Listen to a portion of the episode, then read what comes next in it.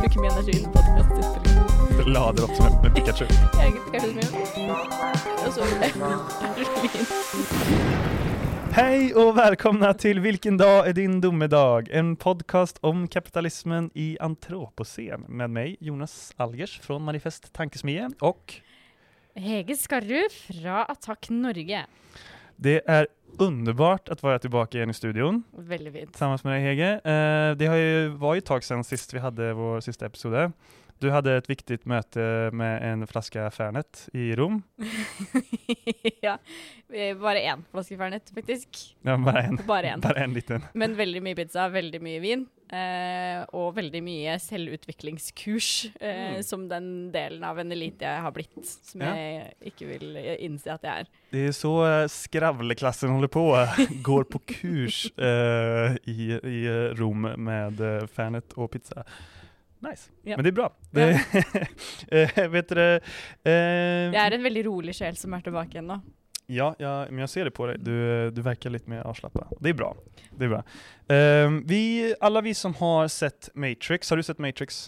Det er veldig mange år siden, men jeg kjøpte meg en ny jakke i Roma. Som er litt Som är Matrix, Matrix. svart leder. Ja, precis. Man kan man... ikke dra til Roma uten å kjøpe seg noe svart lær.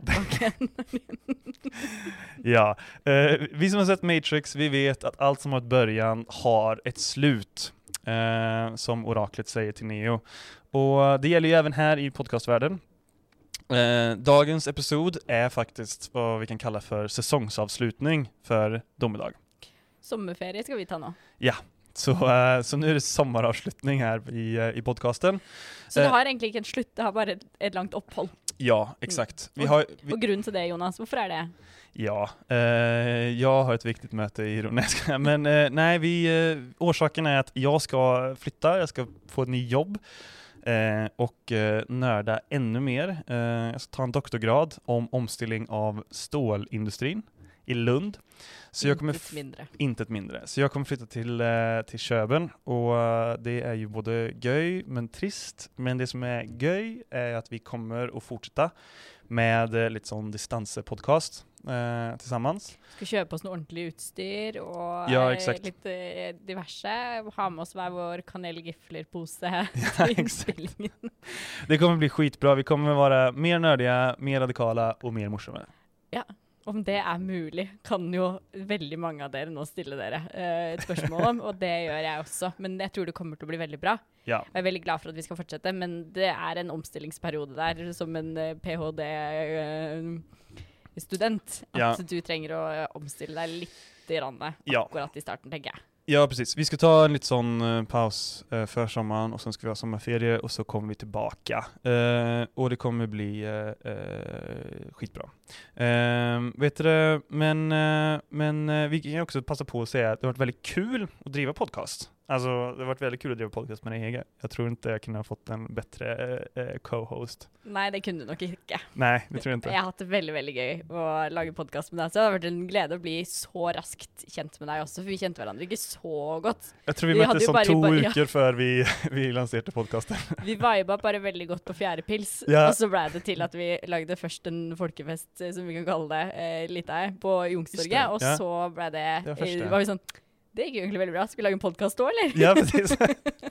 Nej men det har varit skitkul och det har verkligen varit eh, uh, härligt projekt under eh, coronatider och sånt att, att driva med. Så det har varit jättekul att göra det tillsammans med dig och också jättekul att vi faktiskt har några som hör på oss också. Ja. Så det är inte bara vi som sitter här eh, och Men snackar jeg tror vi hadde gjort det uansett. Ja, ja, helt klart. Helt klart. Uh, men vi kan väl säga, liksom, lite, inte för att vara sentimentale, alltför sentimentala, men uh, tack till alla som har hört på uh, under hela tiden. Det har varit dritgöj och fint att höra era kommentarer och inspel och eh, hoppas att vi har bidratt med, eh, jag vet inte, a, a good time.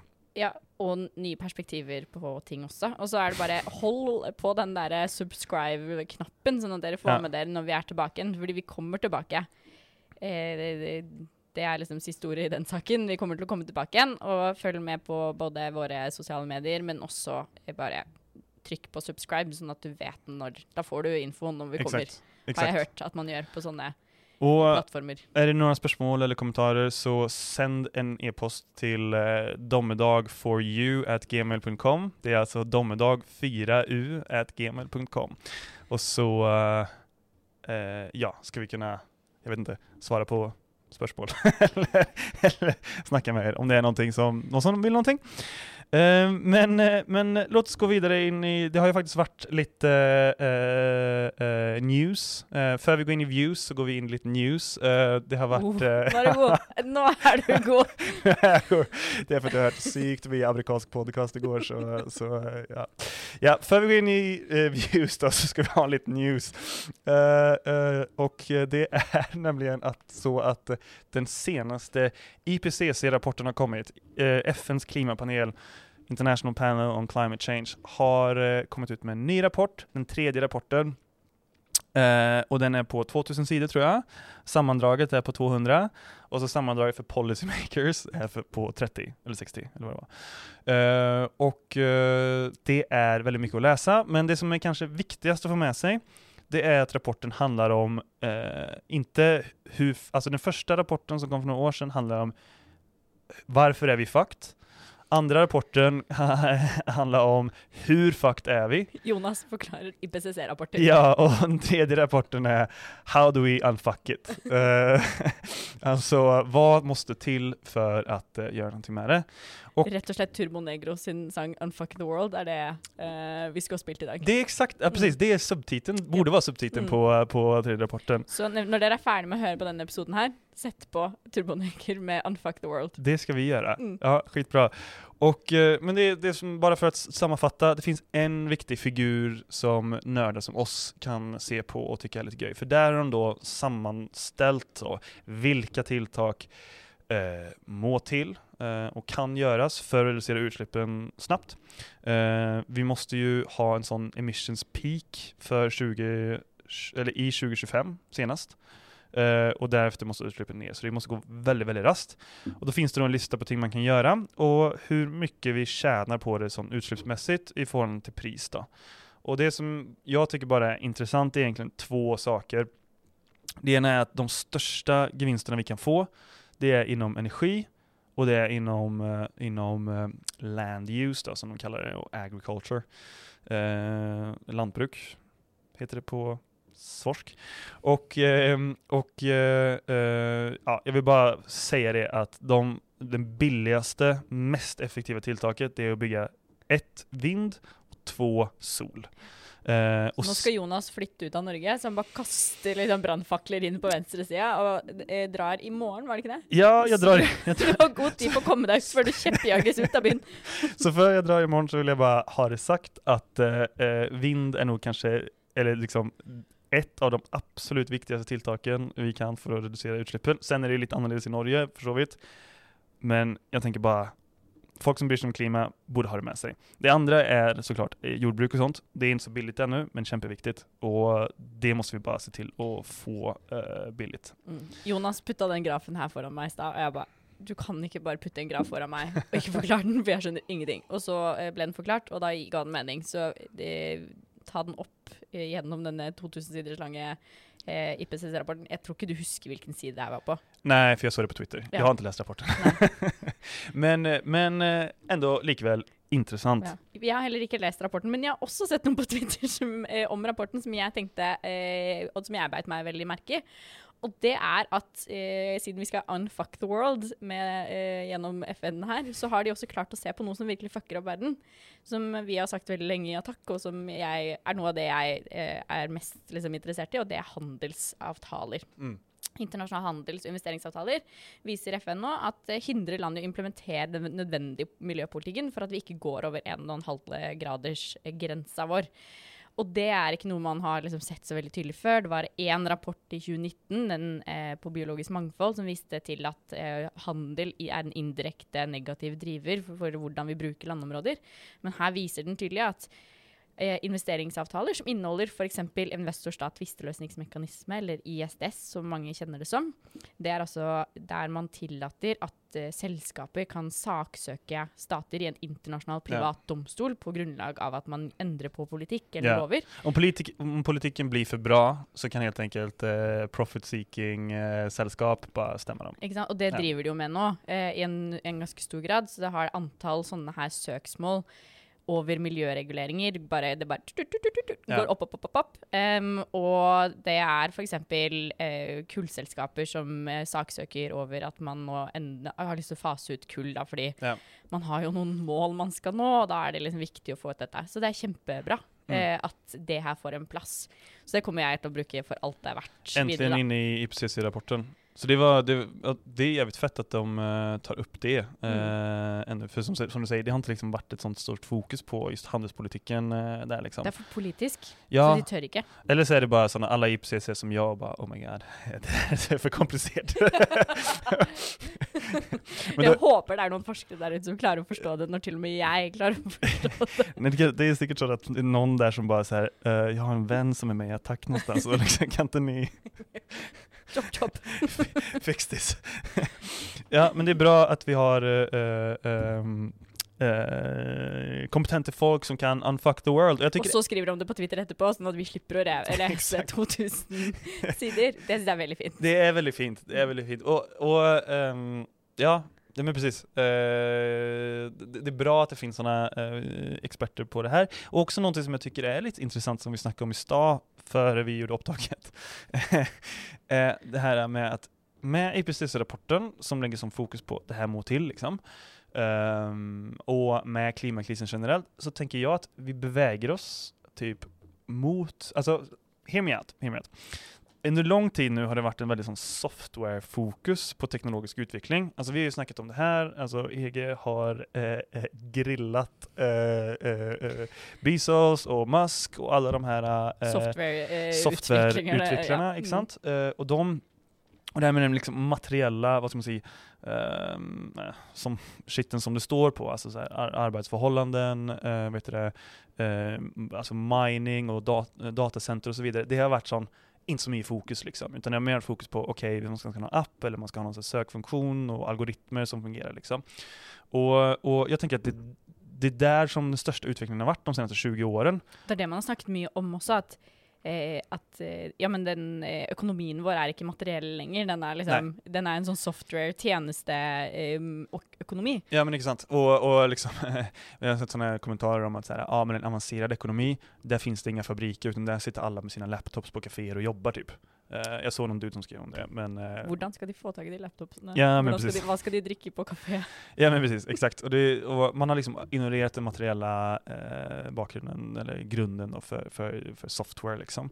Men hva som sker nu med klimakrisen, det er så obvious då att det her material, alltså eh, eh, energibruk, eh, mineraler, agrikultur, transport, allt det här comes roaring back och tar hämnd på den här eh, immateriella eh, teknologiutvecklingen vi har haft då. Eh, och den materiella förstår vi tidigare, men, men min poäng är liksom att eh, eh, de senaste 20 åren, det har varit software som varit fokus, de flesta ingenjörerna har gått dit, da, da, da. men nu så måste det ändras och det blir mycket mer fokus på hur brukar vi resurser, vad är det för liksom, eh, eh, material och transporter som sker. Liksom. Och jag också tror det är där den mesta utvecklingen kommer att ske nu framöver med här elbilar vind och sol och lantbruk. Att det plötsligt kommer vi komma tillbaka till en kanske teknologiutveckling som är mer vad man säga, synlig i miljö. Eh, istället för, uh, istället för uh, uh, Det er ikke, tech liksom. ja, det er ikke eh, tekniske software-løsninger som skal eh, redde oss ut av den knipa vi sitter i. Nej, precis. Ex exakt liksom. Och, och uh, jag tänker att, eh, att eh, det här, alltså som, som du har snackat om tidigare Hege, att, eh, att eh, de största sällskapen eh, på, i världen, det är ju mest bara techsällskap och sen så är det något oljesällskap liksom. Mm. Och, eh, och det är som tecken på att ja, software har blivit jävligt hypad liksom. Och jeg jag tror vi kommer se liksom en motrörelse mot det uh, de kommande åren. Liksom. Og det er ganske spennende. Det er jo Eh. helt sjukt at vi har tillatt det der på den måten, og at det bare ikke har blitt stilt spørsmål, eh, spørsmål ved det hele tatt. Nei, exakt. Og så har man tatt det inn i skole sånn Nå skal barn lære seg å kode. Sånn, alle Ja, skal liksom gjennom den samme Nå skal alle bli softwareutviklere. Ja, fordi det er det som er det nye. Ja. Eh, og så glemmer man alt det andre, som er sånn eh, naturvern Eller man har jo det i skolen også, men man blir liksom trent opp til å være en del av den nye økonomien Ja. som er veldig softwarebasert. Ja men precis, Og den har vært så kortsiktig. Jeg mener, precis, alla, alle skulle alla lära sig koder liksom. Og sen så så jeg, som vi har snakket om før i podcasten, det er at eh, de tre eh, snabbast växande jobben i USA, eh, som jeg så en undersökning på, det kommer vara så här vindturbintekniker, solcelleinstallatør og sykepleiere. Mm. Eh, och eh, då är det sån, det ingen coding där. eh, så det är helt andra skills då. Så att vi, ja, saker och ting ändras, det är ganska spännande. Mm. Vi får hoppas at IPCC-rapporten får litt eh, gjennomslag. Og så Liksom. får vi håpe at den omstillingen til en annen eh, økonomi utenfor softwareutviklingen klarer å ta maktkonsentrasjonen litt mer bort fra hva den er i dag, da. Helt enig. Mm. Helt enig. Um, OK, men vi skal ikke bare uh, snakke news, vi skal også snakke litt views. Uh, jeg ser det. ja, jeg skjønner det. Jeg hører du er veldig fornøyd med ja, Jeg er fornøyd med deg òg. Jeg står til deg, Jonas. Det var kjempebra. Takk. Godt jobba. Uh, ja, og vi skal videre. Vet dere, Hege, du har fortalt for meg at du eh, har en liten sånn hobby eh, som, er, som er landet Albania. Kanskje ikke en hobby, en fascinasjon. Og så har vi også lovet at det skulle komme en episode om dette her, fordi jeg nevnte et pyramidespill Ja, eh, i Albania Albania. Ja. Da vi snakket om krypto. Du har jo skrevet mastergrad om Albania. Jeg har skrevet mastergrad om Albania. Mm. Hva var det du skrev om? Vi kommer trodde- komme til det, men, ja, eh, men jeg trodde aldri jeg skulle snakke om den mastergraden her igjen. Men det jeg skrev om, var eh, Den het noe så pent som 'Structural Transitions in Albania. Profit over Environment?' spørsmålstegn. Eh, så det er strukturendringer i Ja, Albania. ja, det er, liksom, Albania var kommunistisk eh, diktatur, og så eh, falt dette. Og så var det rett inn med liksom, IMF, Verdensbanken, EU osv. Og så med nyliberale strukturendringer. Ja. Eh, og så var det sånn Hva skjedde der? ja, ja, ikke sant. Og, og du har jo fått lese den her igjen, da. Hvordan kjennes det å lese sin masteroppgave igjen? Og det var vondt. Jeg bare, åh, det, det er skrivefeil i første setning, og det er liksom, det er helt tydelig at den jenta hadde dårlig tid, lå i senga, våkna, skrev oppgave, la seg igjen. Jeg hadde liksom Partneren min ved siden av meg var en stabel av bøker. Ikke, liksom, det var ikke noe liv den sommeren der. Men, men den ble ferdig. eh, Den ble ferdig. Det gikk bra, og jeg, jeg følte meg nå liksom klar for å se litt på den igjen. Og jeg må ærlig innrømme, jeg gadd ikke å lese alle 119 sidene en Nei. gang til. Oh my god. Ok. Nei, Men jeg har, jeg har titta litt gjennom noe av det. Har snork. Ja. Så stakkars den sensoren som måtte lese det der. Men årsaken til at du har lest dette på din mastergrad igjen, det er for at du egentlig for at du leste en annen bok. Ikke sant? Jeg leste en annen bok som var veldig mye mer verdt 119 sider. sider. Ganger tre var det vel kanskje, eh, enn eh, min masteroppgave. Det er Lea Jippi, Ja. som er all, eh, vokst opp i Albania. Er nå professor i eh, politikk og økonomi på LSE, London School of Economics, eh, og skrevet boka eh, Free, Coming of Age at the End of History.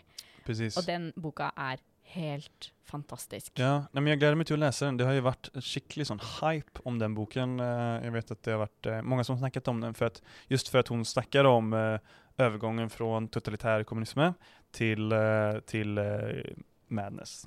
Til madness. Eh, Og det er sett gjennom hennes øyne da hun var fra sånn 11 til eh, godt ut i tenårene. Ja. Og det er et kjempekult blikk Mm. å se på det der gjennom. Ja. Eh, og hun forteller det jo gjennom sin opplevelse eh, med sin familie og eh, politikken rundt. Så det er en kjempekul dynamikk i hele boka hele tiden. Ja. Uh, så jeg anbefaler alle å bare lese den. Jeg ble helt noen frelst og oppslukt. Men nå igjen, da. Jeg, jeg har kjempefascinasjonen av Ja. Albania. Så det er egentlig en ukens cocktail. Så nå er det så her, typ nesten 19 minutter inn, så kommer komme cocktailen her. Men uh, jeg tenker, Hege, jeg levner over till dig. Mm. Ehm, är ni redo för cocktailen der ute? Efter 18 minutter av bullshit. OK. Uh, Hege, jeg spør deg for siste gangen denne sesongen. Oh, jeg blir litt sentimental. Uh, hva har du i glasset?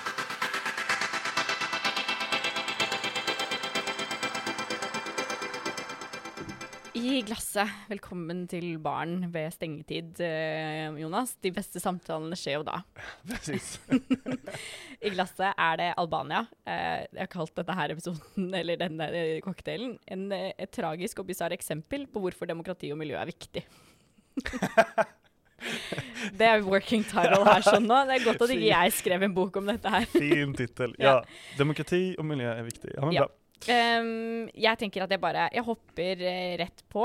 eh, at det spørsmålet som jeg fikk veldig ofte, som jeg tror du sitter med, og veldig mange andre sitter med, er hvorfor skrev du en masteroppgave om Albania? Ja. Eh, og det spørsmålet fikk jeg av veilederen min, jeg fikk det av sensoren min, og alle intervjua i Albania. De bare Why?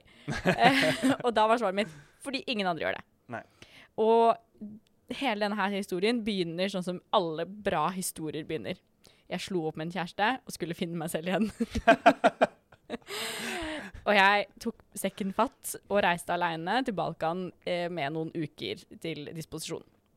Og jeg falt pladask for Bosnia. Jeg syntes det var helt nydelig. Putra meg videre nedover liksom, i Kroatia osv. Og, så videre, og så står jeg på grensa til Albania, hvor vi skal eh, få ordna noe greier før vi skal pakke og, og reise over. Da hadde jeg teama meg opp med en fra Sveits og en fra eh, New Zealand og en eller annen fyr som jeg ikke husker hvor fra, er fra USA. Så vi skulle over. Og da møtte vi noen som bare ikke dra til Albania. Jeg så noen bli skutt på gata i går. Liksom. Det er helt Texas der. Bare ikke gjør det. Og jeg var sånn litt redd, men også veldig interessert i hva er det som venter her sånn. Um, og eh, på vei mot da, Tirana, som er hovedstaden i Albania, så kjører vi forbi masse eneboliger med amerikanske flagg. Og jeg bare okay. Hæ? Hva, hva er dette her for noe? Uh, og så interessen min økte jo her. Og så kommer vi til Tirana, hvor mellom et, eh, liksom svartemarkedene på gatene eh, og en massiv gate som er kalt opp etter George W. Bush, eh, og søppel eh, overalt, så klatrer vi til topps på en slags kommunistisk pyramide. Som bare så veldig rar ut. Eh, bare, Kommunistisk pyramide. ja, altså, den er Altså, det høres rett fett ut for så vidt. ikke sant? Jeg bare, hva er det her for et sted? Og så var vi tilbake på hostellet, og da fikk jeg nyss om en musikkvideo av en eh, fyr som står og synger på en sang hvor han elsker USA fordi de redda eh, Kosovo og Albania. Eh, og jeg bare det, Nå piker interessen min. Hva skjer i dette her landet? Hvorfor er de liksom Hyller de USA så mye eh, som en tidligere kommunistisk da? Hva skjedde? Hva var overgangen her? Hvordan, liksom, hvordan pika deres interesse for, Mm. for USA, da? Em, og, og så er det også eh, Man kan liksom se på Kosovo og Albania litt sammen eh, også. I Kosovo så er det en statue av Bill Clinton i hovedstaden der. Eh, og den, eh, denne statuen står på Bill Clinton Boulevard. Ok. Em, og jeg har aldri sett den sjøl, men da ble Albania misunnelig på at Kosovo lagde sin egen statue og gate. Uh, så da, det var da George W. Bush Street kom til Albania. Okay. Og uh, det, den her ble oppkalt etter han nettopp fordi George W. Bush var den første presidenten, amerikanske presidenten som noen gang eh, besøkte Albania. Eh, og han er jo også sønnen av mannen som startet liksom, hele dette termet New World Order. Um, som jo sier eh, sitt, hvor nyliberalismen ble liksom dytta på ganske mange postkommunistiske land, som har hatt ganske mye å si for eh, utviklingen til Albania. Så det sier jo litt også. Og det beste er at den gata går også forbi det albanske parlamentet. Mm. Ok. Altså Deres tilknytning til USA er bare sånn Hva Så parlamentet ligger på liksom George W. Bush uh, Den Street, går liksom, liksom? eh, Den ligger ikke på den, den går rett ved. Ja, ja. Um, og så finnes også en statue av George W. Bush i en liten albansk by. En Ja. forferdelig statue. Den ser helt uh, krise ut. Men, så, Men den ble satt opp i da 2007, da, da George W. Bush kom på besøk. da. men det er jævlig spennende, liksom. Mm. Uh, det, jag vet inte, det, det, det låter lite som någon slags amerikansk koloni. Varför, varför är, eh, vad, vad skedde då liksom? Alltså du snackar om så här, eh, eh, murens fall och New World Order och alltihopa. Vad, vad, vad är grejen? Vad, kort fortalt, vad är Albanias historia där liksom? Ja, altså kort fortalt så er det jo at eh, vi har et kommunistisk, et kjempelukka eh, samfunn. Som, eh, som da Albania var. Eh, det er ingen strømlinja fortelling her, sånn, men, eh, og mange er nok på en måte frista til å tenke at Albania var en del av Sovjetunionen eller Jugoslavia, men det var ikke. Altså, Albania var et ensomt sosialistisk fyrtårn i Europa ganske lenge, som bare dytta bort liksom, den ene eh, samarbeidspartneren etter den andre. Mm. Samarbeida litt med Sovjet, dytta de bort. Eh, Samarbeida litt med Kina, dytta de bort. Fordi sånn, man, eh, man, ikke mente at man kunne gjøre det på den måten som de der gjorde. Og den som sto i front av dette, er Enver Hoxha. Ja, han var, han var, president av Albania, liksom? Diktator. Ja, ok. ja, men ja, president. Ja. Eh, og han eh, mente jo at det var ikke mulig å sameksistere med kapitalismen, sånn som Sovjetunionen f.eks. Eh, han mente at de gjorde. Ok, Så han tyckte liksom Sovjetunionen var så softis, liksom? Yes. Eh, okay. Og denne albanske kommuniststaten den ble modellert av en marxistisk-leninistisk eh, ideologi som la vekt på økonomisk vekst, industrialisering og teknisk framgang. Så han, de, han ville jo veldig mye med Albania, mm. men han lukka jo Albania helt. Ja.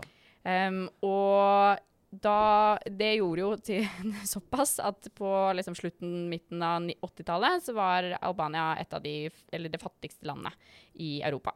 Mm. Og Enver også døde i 1985, så etter det så var det liksom litt oppmykning, men ikke så veldig mye. Mens i 1990 så åpna de opp telefonlinjene for internasjonale eh, telefonsamtaler. Og da begynte ting å skje. For da fikk man jo høre hva som skjedde der ute. Og da blei jeans og Coca-Cola-bokser eh, det ble liksom symboler på eh, kulturell velstand og frihet i Albania. Mm. Og det her var spesielt da påvirket av den amerikanske fortellingen. ikke sant? Den, den amerikanske drømmen. Ja, precis. At USA er liksom land of the free og alt type. Ja. Mm. Og da spilte studenter en nøkkelrolle i å velte det autoritære regimet med massive protester i 1990.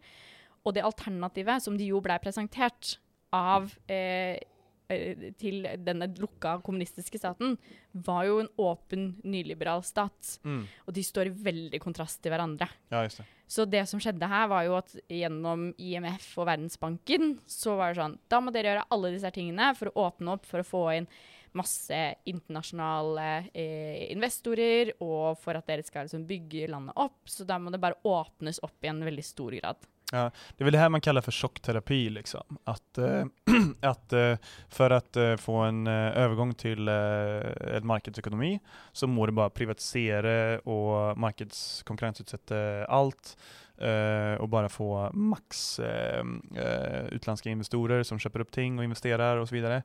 Ehm, och hur gick det? Det her er jo ikke liksom, Vi lever ikke i internettens tid heller. Det var Nei. veldig lite kunnskap om hva det her egentlig betydde. Både for de som satt med ansvar for institusjonene, mm. som hadde vært helt kontrollert av eh, staten, og mm. også folka som bodde i, i, Albania, som også hadde vært helt kontrollert av mm. staten. Um, og altså, nyliberalismen er jo, som vi har snakket om ganske mye her, en ganske omstridt teori. Eh, og når man eh, putter den inn i praksis, så kan det skape alvorlige sosioøkonomiske forskjeller og miljøkonsekvenser. Mm. Og det var jo nettopp det som skjedde. Um, og det skjedde i en rekke postkommunistiske land. Mens i Albania så var det fordi de var så lukka, så ble det nesten enda mer ekstremt. Ja. Um, og nå, selv om det har gått så dårlig, hvis vi skal snakke litt om, er, i Albania, så er Albania liksom nyliberalismen har blitt feira og blir fortsatt feira som en liksom frigjører fra undertrykkende kommunistisk autokratisk styre. Og det, er sånn, det her er fri, ny type frihet. Um, og det ser ut til at Albania fortsatt er det eneste landet som er igjen hvor den amerikanske drømmen lever. For da Trump ble eh, valgt president, og jeg var i Albania for å hente eh, inn data til masteren min, mm. så da alle andre var liksom nesten gikk med sørgebånd, så, så, bare poppa det opp Trump-taxier rundt omkring i Tirana. Og det var bilder av eh, Donald Trump med familien sin på eh, TV-skjermer overalt. Den gull... Eh, hva skal man si Leiligheten deres. Og de var bare sånn Han ene som jeg intervjua, han bare Jeg er så flau. han bare Jeg forstår at dere har en helt annen opplevelse av det at Trump blir valgt, men her er det mer sånn Se hva se hva liksom, en hardt arbeidende ung eh, fyr kan eh, få liksom, ja, Han er ikke ung, da, men, men faren er en immigrant og liksom, har jobba seg oppover. og bla, bla, bla. Ja. Det var liksom den fortellingen de ble fortalt. Den amerikanske drømfortellingen. Det Ja, var just Trump. De kjøpte liksom Trump-narrativet liksom. Ja. Men hva, hva, uh, kan du liksom, hva, hva skjedde da med, du nevnte miljø, liksom, at nyliberalismen forstørte miljøet. Hva, hva, hva skjedde der liksom? Jeg, en av de grunnene til at jeg også valgte å eh, skrive om dette, her, er at jeg leste at Tirana, hovedstaden i Albania, er en av de mest forurensa hovedstedene i verden. Mm. Og det er på 700 000 mennesker som bor der. Og det, noe av det der skjedde jo fordi det ble åpna opp, så eiendomsregimet endra seg jo på dagen. Sånn. Fra å være eh, helt kontrollert av staten, alt var eid av staten, Mm. eh, så ble det privat. eh, og da var det bare tut og kjør, rett og slett, med bil. Da var det alle skulle kjøpe seg eh, egen bil, eh, men man hadde jo nesten ikke penger, så man kjøpte ganske gamle biler Ja, Som- store utslipp liksom. som var mye verre på utslipp. ja, just det. Em, og man hadde også ikke noe eiendomsregime på skog lenger. Men trær, altså hogst, ble jo veldig lukrativt. Så man hugga masse, masse trær. Alle bare dro i skogen, hugga trær um, og, og solgte. Eller måtte også, eh, da liksom man ble slått av de sosioøkonomiske forskjellene, måtte man også hogge for å holde varmen selv. Mm. Så det var liksom veldig mange ting som spilte eh, sammen her. det kan jeg tenke meg eh, ekstra store utslipp også, om alle sitter hjemme og elder, liksom, for, Ja. at, uh, eh, få värme. Ja. Så det har jo, og det der vedvarer jo også i en stor grad i den dag i dag. Mm. Og, den, eh, og så er det liksom I Albania så er det, det er mafiavirksomhet, så det er liksom Søppelhåndtering er ganske sånn uformell sektor, så det er ganske interessant. Og det er masse liksom hasjdyrking oppe i skogene. Eh, jeg husker hun ene jeg intervjua da jeg tok, eh, eh, henta inn data, var, hadde dattera hennes var sånn Jeg er veldig redd for at ikke jeg kommer meg ut av Albania, for da må jeg ende opp med å liksom, jobbe opp i skogen og drive og dyrke noe hasj. Så masse liksom, ulovlige virksomheter i Albania. da. Ja, just det. Ja. Shit. Men nå så jeg at de altså skal de vurderer å legalisere eh, hasj. Ja, okay. Som kan kanskje faktisk løse litt av de problemene. Ja, Mm. ja. Hvis de klarer å regulere det. Men de har fortsatt ikke noen institusjoner som klarer å få det Ja. Hva, du, du leste den her Freed Frida av uh, Lea Yppi, liksom. Hva, hva, hva, hva, vad tänkte, var hennes liksom stora, uh, liksom, tank, eller hade hon några särskilda tankar om liksom hvor Albanien er på vei just nå, liksom och, och sådär och, och alltihopa? Nei, hun legger ikke noen vyer for hvor Albania er på vei nå, men det jeg syns er veldig fint i den boka, er jo en sånn Det er en Hun eh, legger ikke på noen at du skal mene det ene eller det andre, men hun viser veldig til de forskjellige eh, definisjonene av frihet. Og det er jo kanskje det jeg syns er så sykt viktig å ha en god debatt om på venstresida også. Hvordan er det vi bruker begrepet frihet? Mm. At det finnes frihet fra, og det finnes frihet til. Mm. Eh, og hun viser veldig til hvordan var det å leve med en viss eh, forståelse av frihet under eh, kommunistisk styre, versus hva var det frihet blei til da eh, nyliberalisme kom, og når man plutselig var det individuell frihet, mens det var kollektiv frihet under eh, kommunismen. Mm. Og hva de tingene der var, da. Hva var det for eksempel da på, uh, på kollektiv frihet og individuell frihet? Liksom? Eller individuell frihet er ganske lett å forstå, men den kollektive friheten da, som hun snackar om, liksom, hva Solidaritet, da. At man har liksom frihet fra og den type bekymringer eh, i mm. en stor grad.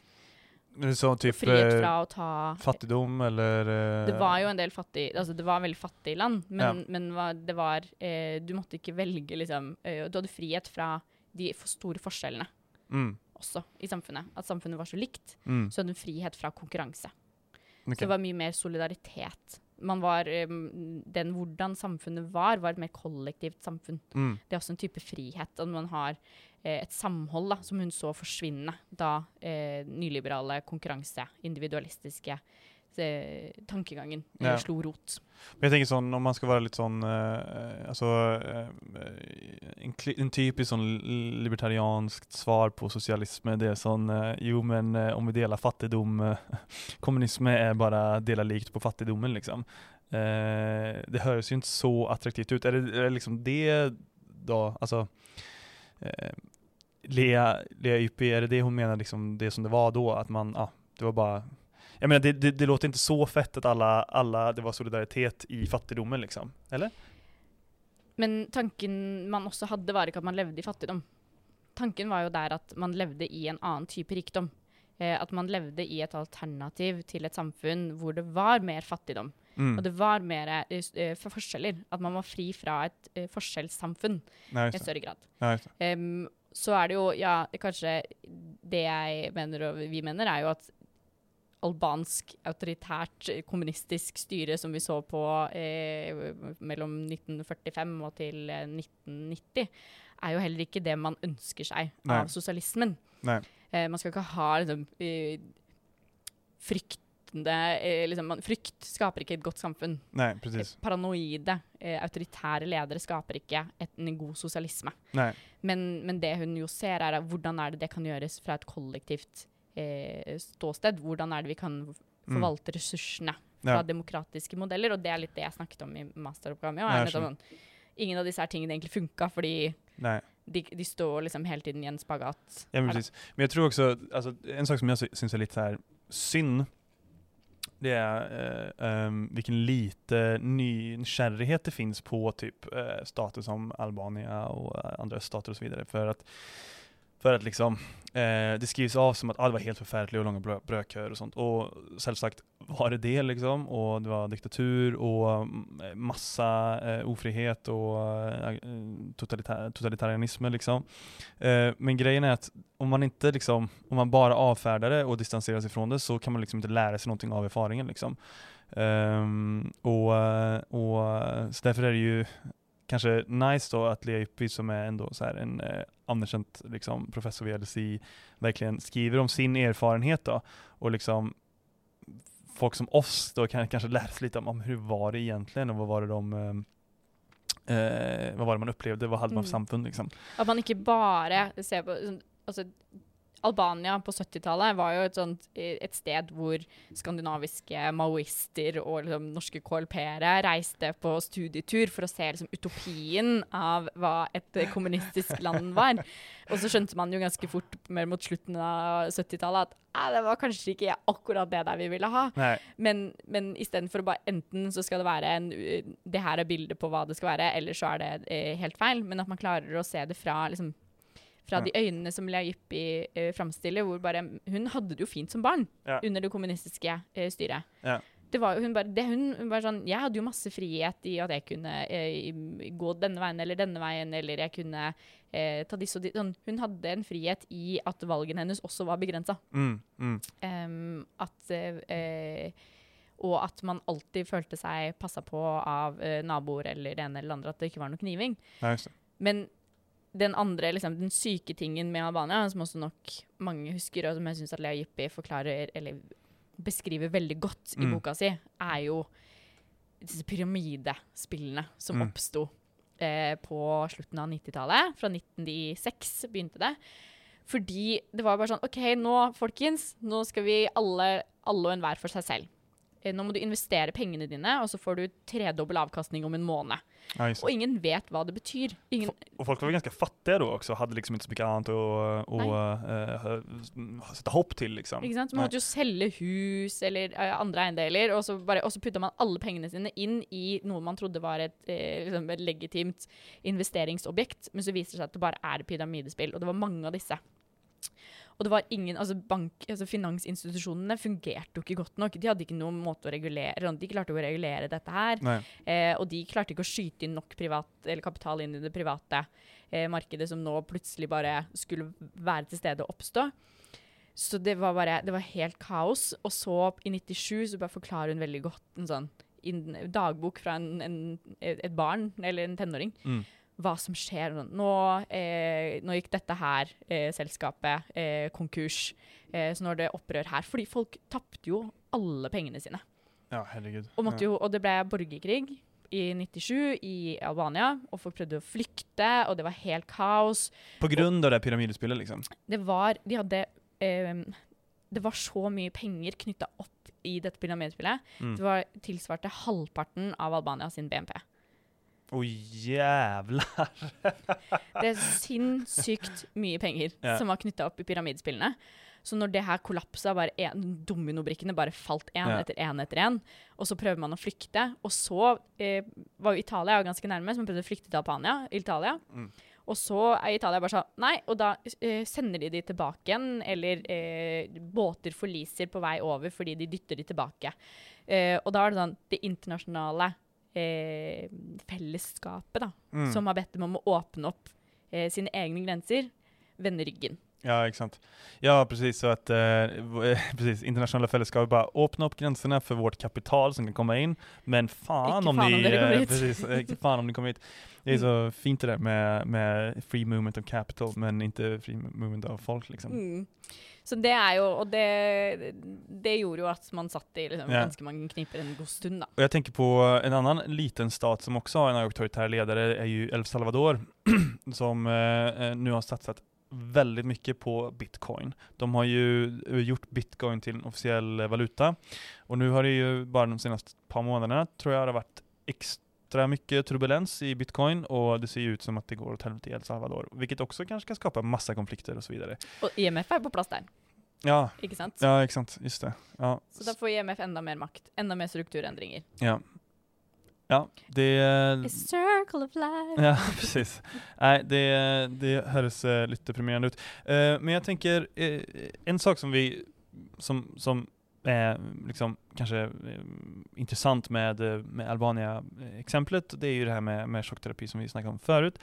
Och eh, när det gäller klimat så eh, är det ju många som ofte Ofta läggs det fram av eh, nyklassiska ekonomer eh, att nej men vi ska inte göra några särskilda investeringar eller whatever. Eh, Så staten ska vara passiv och det enda som trängs det är att sätta ett pris på koldioxid och så kommer marknaderna anpassa sig.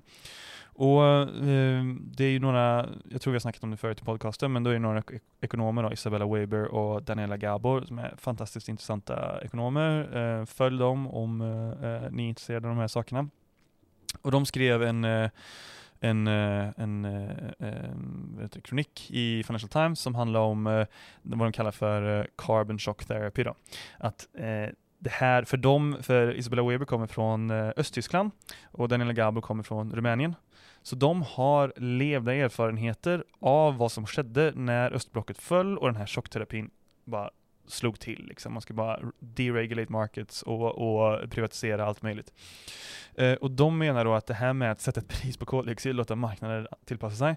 Om man är seriös med det, det vill säga att man vill sätta ett eh, koldioxidpris som är, eh, får den tillräckliga effekten för, eh, för omställning, då, ehm, då måste det vara så högt så, och det har inga sociala konsekvenser. Så att plötsligt så får du vissa sällskap lägger ner för att de, eh, alltså direkt för att det inte är lönsamt att producera någonting. Du får andra människor som inte kan komma till jobbet för att handla. Eh, plötsligt blir vissa eh, matvaror alldeles för dyra och, och sen ska liksom bara det här liksom tillpassa sig då. Och och jag tänker bara, det, det är intressant hur, hur, vad ska man säga, hur Alltså Östeuropa och Albanien som du snackar om, det blir liksom eh, ett exempel, inte bara på när eh, eh, vad man kan kalla för en, en bastard eh, kommunism, liksom. en, en, en eh, förvridning av kommunismen, utan också vad den extrema nyliberalismen kan eh, skapa, vilket är eh, Mm. desperation som de här eh, eh, människorna i Albanien då, som har det här pyramidspelet och så vidare, um, um, la alla, in, alla sina pengar på det, och vilken kaos det kan skapa liksom. Mm. Uh, Og, og når man kommer da i møte med alle disse lovnadene, og man bare man gjør alt altså, Det er noen politikere som bare OK, men da bare åpner vi alle disse tingene, for det er noen som har sittet på et eller annet skrivebord og laget en teori om at det kommer til å løse alle problemene. Ja. Och det, precis, och sen så får liksom de här människorna bara eh, eh, uppleva, det, upp, uppleva eh, effekten av det då liksom.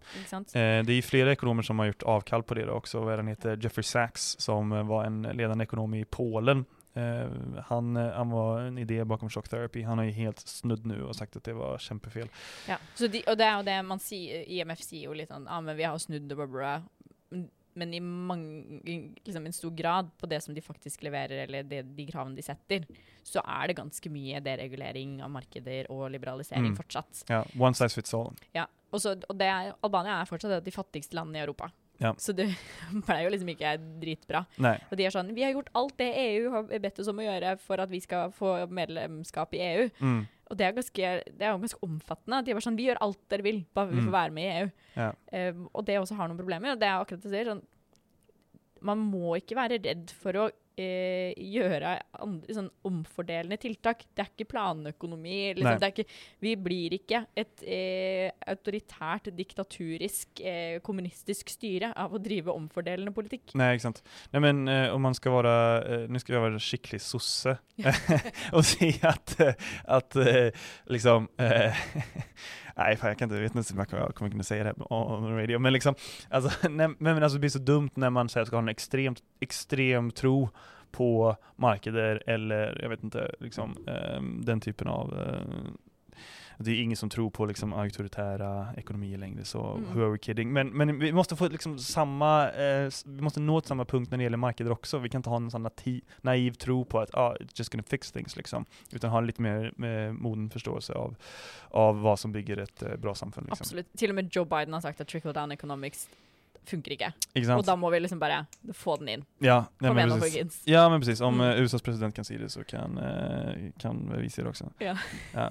Men, eh, ja, nei, men ehm, eh, men så du har lest ferdig boken nå, da? Nå er jeg ferdig med boken. Eh, jeg føler meg veldig frigjort. Og siden vi ikke skal være her en, på en stund, så anbefaler jeg alle andre å bare lese den boka og kose seg med den. Ja. Så kan dere tenke på oss mens dere leser den. Jeg gleder meg til å lese den i hvert fall. Eh, det høres veldig spennende ut. Um, nå hadde vi egentlig tenkt å ha en veldig kort episode, og så sier jag at det det precis gått forbi uh, 45 minutter. men eh, men eh, så, eh, så blir det ibland. Men um, ja, Skal vi, skal, vi låta den, eh, ska vi låte den ligge der, eller? Jeg tror det. Eller Ja. har, har vi hata på Elon Musk ennå? Nei, det har vi ikke. Skal vi ta en rask en? Ja, det er klart vi skal. Det her er Twitter, og det er Elon Musk. Og det her er ikke det at Elon Musk har tweeta noe dumt. Det her er at Elon Musk har kjøpt seg inn i Twitter og sitter nå i styret til Twitter. God damn. Han kjøpte oh. 9% av aksjene, var det vel? Yes. Sånn at han kan ikke kjøpe, eh, han kan ikke kjøpe de, har, de har noen klausuler der som gjør at han ikke kan liksom kjøpe seg opp eh, hovedandelen enda, men, men det han sier er at han skal gjøre betydelige forbedringer på Twitter de kommende månedene. Bam, bam, bam. Hva det betyr, aner ikke. Det er bare å strappe på seg romdressen sin og så Ja. se hvor det bærer hen, altså. Han skrev jo nyligen på Twitter at uh, han var sur på at Twitter liksom begränsar yttringsfriheten apropå, uh, eh, vad fan var det? Ja, apropå eh, liksom eh, corona crazies eller hva det var liksom. Ja? Eh, så det blir sikkert mer yttringsfrihet. uh, så det er nice. Men han, ja, så han er jo 9% och det betyder da at han eh, han er den største aksjeeieren ä- Mm. i, i Twitter. Eh, så han har en kontrollerende andel da, men han, eh, han eh, har en ganske viktig roll. Føydalismen i det 21. århundret nærmer seg med, eh, Ja. med stormskritt. Ja, ok, men da skal han ikke være sämre heller, utan da skal jeg fan også komme med en ny, eh, en, efter litt views så får vi litt news. Eh, at, eh, att eh, Meta, som Facebooks eh, ägare heter nå, de skal teste testa en eh, en eh, ny eh, valuta för att intresse för Facebook och Instagram håller på att gå ner och då måste de få andra måter att liksom tjäna pengar. Så då ska de börja med det de kallar för the suckbuck. Yeah. alltså Zuckerberg dollars liksom. Eh, så du kan, eh, som ska vara någon slags digital valuta som är kopplad till plattformen som du kan köpa och så kan du handla och så kan du få poäng om du som skapar och en viktig spelare i en grupp på Facebook och så vidare. Och så kan du göra ting då. Så, Men det är helt sjukt at de har kalt det The, the Suck Buck. Det er bare Hvem, eh, hvem tenkte på det? Jeg så også at det er, liksom, det er de ansatte som har kommet på dette her eh, navnet. Og jeg ble bare sånn Er det Tuller de med Zuckerberg nå? Er det liksom ja, Gjør man narr av han fordi tenk- han suger? Jeg tenker han, han trenger bedre rådgivere altså, Ja. som sier, sier nei. Ja. Eh, Både til ideen og også til navnet. Men bare litt sånn sign for å komme komma full circle i, i denne episoden da. Jeg tenker at det her er en måte for liksom software att hålla sig fast i att vara relevant Mm. för no one cares about them anymore. Nettopp. Og nytt pyramidespill, sånn at vi får en ny borgerkrig. Ja, yay. Kjempelurt. Ok, men eh, Hege, takk for at du har lest, uh, skrevet om Albania og lest om Albania så vi kan få eh, bli litt klokere uh, også i denne episoden. Uh, takk til alle som har lyssnat og lyssnat gjennom hele denne episoden med oss. Ja, tusen hjertelig takk, og vi høres om en liten stund, og jeg gleder meg veldig mye til det. Jeg gleder meg også til vi kommer tilbake. Eh, radikalere, nerde, mer nerdete og mer morsommere Ja. ja. Ja. Ha det bra! Ha det. Hej!